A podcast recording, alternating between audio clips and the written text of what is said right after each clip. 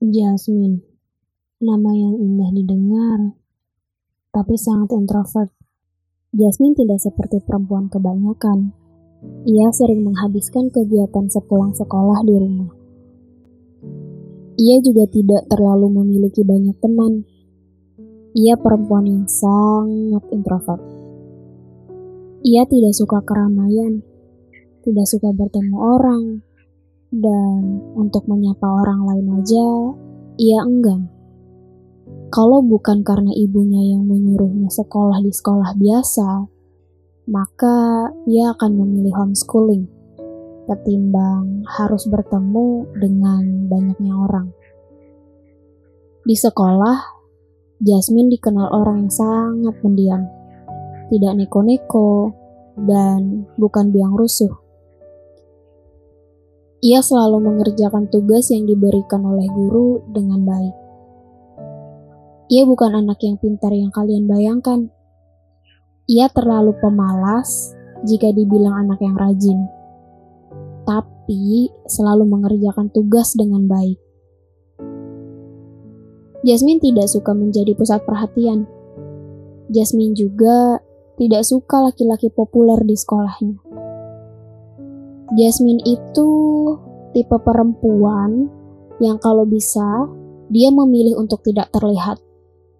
Menurut Jasmine, tidak terlihat itu bukannya menyenangkan. Kamu bisa melakukan apa pun yang kamu suka tanpa diperhatikan orang lain.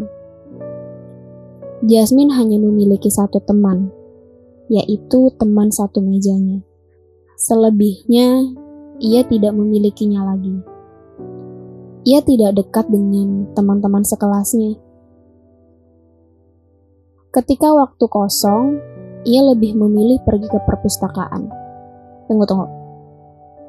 Bukannya tadi dijelasin kalau Jasmine itu bukan anak yang rajin kan?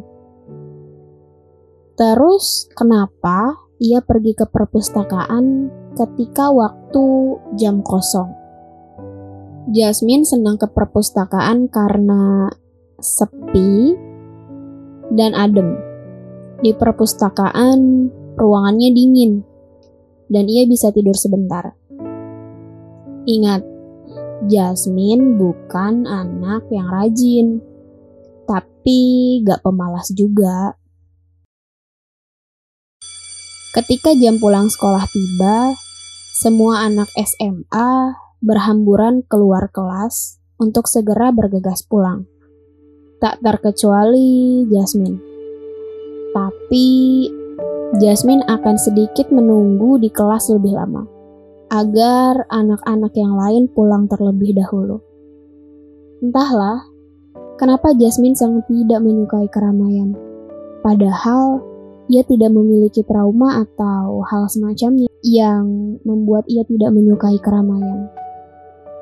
Pernah satu waktu, ia dan keluarganya pergi berlibur di tempat bermain. Karena kebetulan waktu itu tepat di hari libur nasional, maka tempat itu penuh akan orang. Awalnya, Jasmine menolak ajakan ibunya itu.